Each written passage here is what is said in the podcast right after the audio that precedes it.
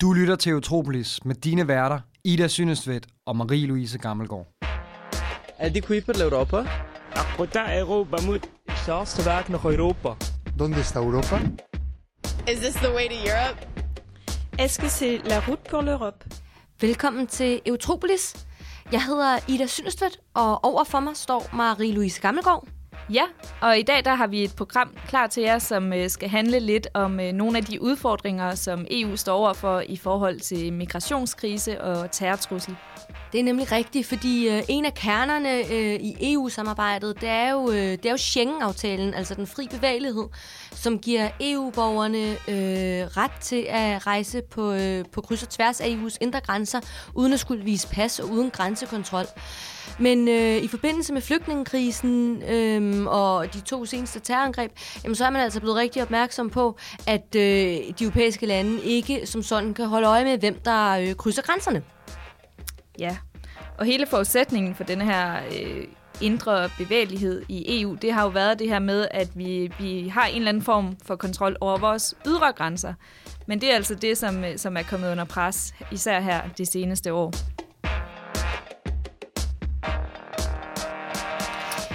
Ja, fordi at man har jo faktisk, altså man har jo egentlig det her øh, Frontex-samarbejde, øhm, øh, som ligesom øh, skal, øh, skal stå for, øh, for øh, holde øje med EU's ydre grænser, men man synes ligesom ikke, at det fungerer godt nok. Øh, det er der i hvert fald, øh, det er der i hvert fald meget diskussion om. Ja, både øh, Frontex, men også øh, de nationale medlemslande, som simpelthen ikke er gode nok til at få registreret de mennesker, der passerer øh, grænsen. Øh, Frontex har for eksempel været ude og kritisere øh, Øh, medlemslandenes evne til at, øh, ja, til at tjekke øh, de menneskers papirer, der kommer ind. Øh, der er jo selvfølgelig rigtig mange, der ikke har papirer. Af gode grunde er der nogle, øh, nogle flygtninge, der kommer til Europa uden papirer. Men der er altså også en, en risiko for, at øh, kriminelle eller terrorister øh, kan komme ind uden øh, papirer.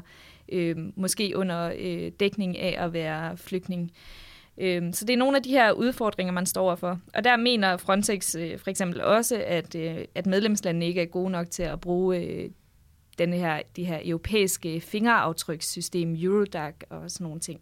Så, så der er altså generelt øh, nogle udfordringer i forhold til både, øh, både Frontex og medlemslandenes øh, evne til at kontrollere øh, flygtningestrømme og generelt den strøm af mennesker, der er øh, over grænserne man kan sige, altså jeg tænker sådan lidt, at udover det, udover det sådan rent organisatoriske eller, eller praktiske i det, så er der også hele den her, altså det politisk diskussion, ikke? fordi det er en utrolig politisk lavet diskussion, mm. øhm, og dilemma for den sags skyld, hvor du på den ene side har, har rigtig mange øh, organisationer og en del politikere også, der, der står og peger på, at vi skal passe på, at vi ikke tager en masse flygtninge som gisler, på grund af, at der er nogle, nogle få terrorister, ja. som måske inden gang kommer øh, uden for øh, Europa.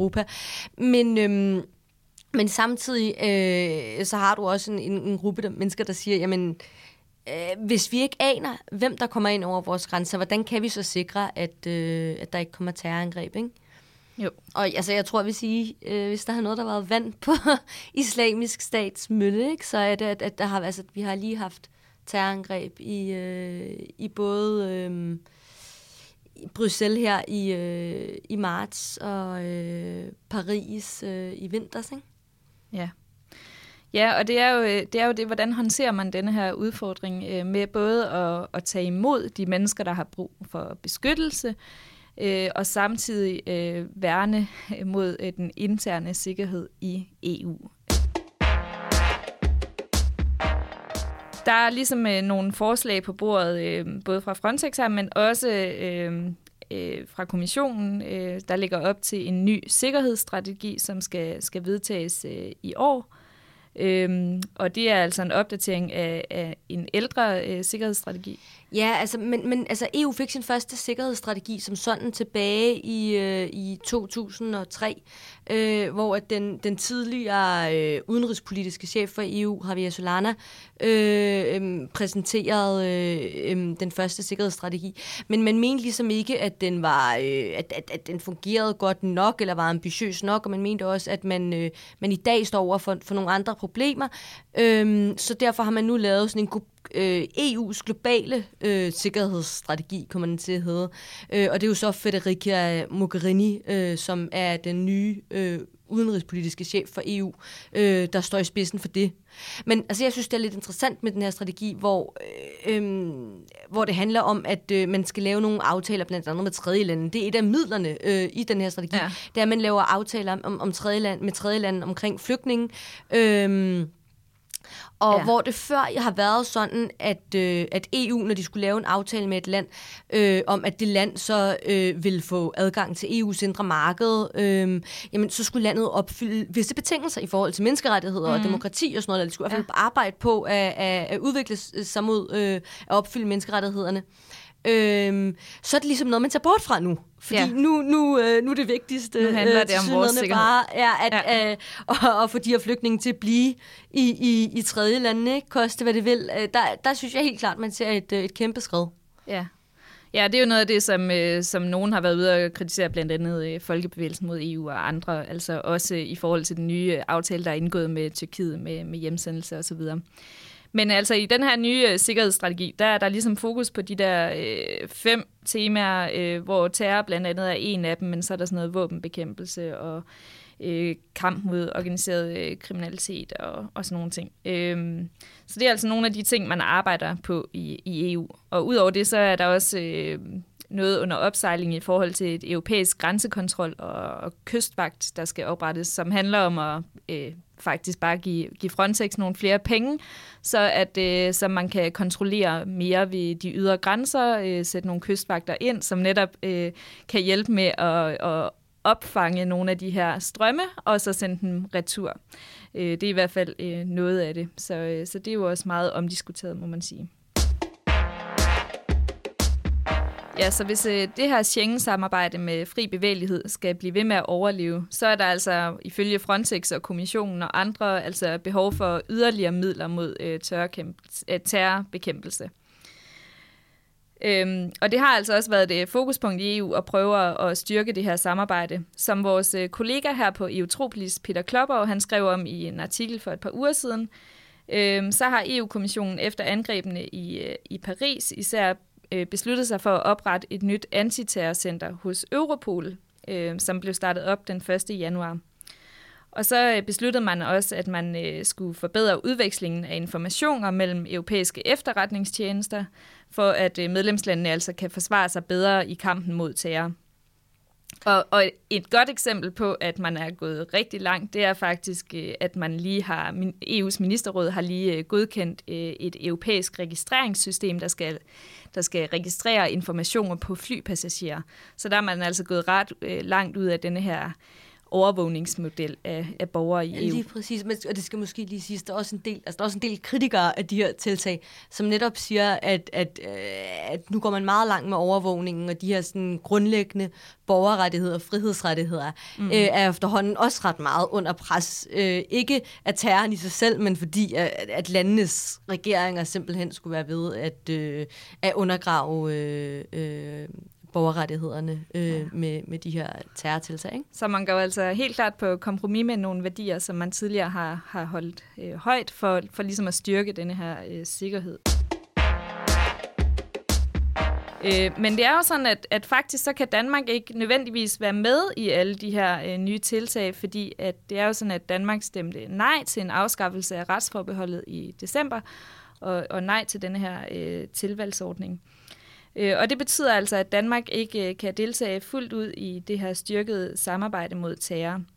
I stedet så er det planlagt, at øh, der skal forhandles en række parallelaftaler. Og faktisk så har regeringen lige for nylig øh, fået grønt lys fra Dansk Folkeparti til at forsøge at forhandle nogle parallelaftaler på plads på tre områder. Og det er i forhold til det, der hedder Europol, øh, i forhold til Eurojust, og så registreret over øh, de her flypassagerer. Ja, man skal måske lige sige, at Europol, øh, bare, bare lige for at understrege med sådan, at Europol er, er politisamarbejdet ja. i EU, og Eurojust er, er samarbejdet mellem anklagemyndighederne øh, i, øh, i EU, og, og ja, registret over flypassagerer har Marie-Louise lige været inde på. Ja, Og det er jo, altså der er mange, der mener, at det nytter ikke noget, at vi kun øh, ligesom bliver en del af noget af det her. Vi skal ligesom være med i det hele, for at det giver mening. For eksempel det her europæiske politisamarbejde og, og samarbejdet mellem anklagemyndighederne, det, det hænger meget tæt sammen. Øh, men det er ikke sikkert, at vi, vi nødvendigvis kan få lov til at være med i det hele. Det kommer an på, hvad kommissionen ligesom, øh, ligesom vil acceptere, at Danmark går med i. Men, øh, men, så det, det er en lidt usikker situation for, for Danmark lige nu i forhold til det. Opfølgende kan man sige, altså øh, selvom, selvom at, at, øh, at, at vi kan få vores ansøgning øh, om de her parallelaftaler godkendt, så kommer måske lige til at tage nogle år, fordi at, altså, Danmarks tilstand tror jeg måske ikke bare ikke lige er højest på. EU, altså på øh, EU-kommissionens liste lige nu, når du altså, har et, et Storbritannien, der står og skal tage afstemning om, de overhovedet vil være med, og du har flygtningekrisen, du har jo også øh, resterne af den økonomiske krise øh, at tage dig af. Så øh, jeg, jeg tror ikke, at de 27 andre lande sidder og holder vejret for, at, øh, at vi får øh, de her, de her parallelaftaler. Så, så det er jo altså noget af det, øh, vi nu får, øh, får mærke, kan man sige, øh, efterslæbende fra øh, den folkeafstemning, der var i, i december. Øh, og der er det jo interessant, at øh, Dansk Folkeparti altså øh, nu øh, gerne vil have, at vi er med i det her samarbejde. Ja, øh, lidt skægt. Nu, altså nu hvor det handler om at holde flygtninge ude, så, øh, så kan vi godt være med. Ja.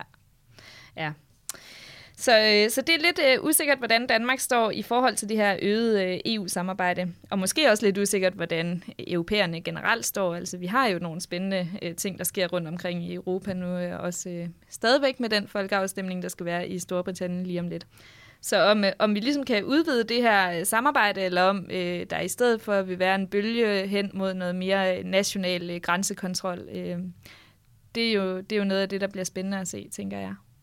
Ja, det, øh, det tænker jeg også, og øh, vi kommer jo til at følge op på det på den ene eller den anden måde, her fra Utroligt i hvert fald. Ja. Ja, så der er altså helt klart nogle øh, udfordringer for det her Schengen-samarbejde, som er, altså er en af, af kerneværdierne i EU-samarbejdet.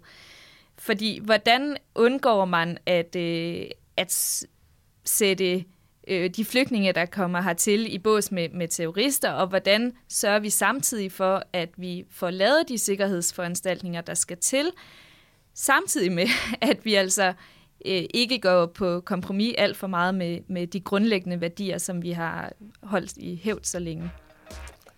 Lige præcis. Mit navn er Marie-Louise Gammelgaard. Og jeg hedder Ida Synnestvedt. Tak fordi du lyttede med.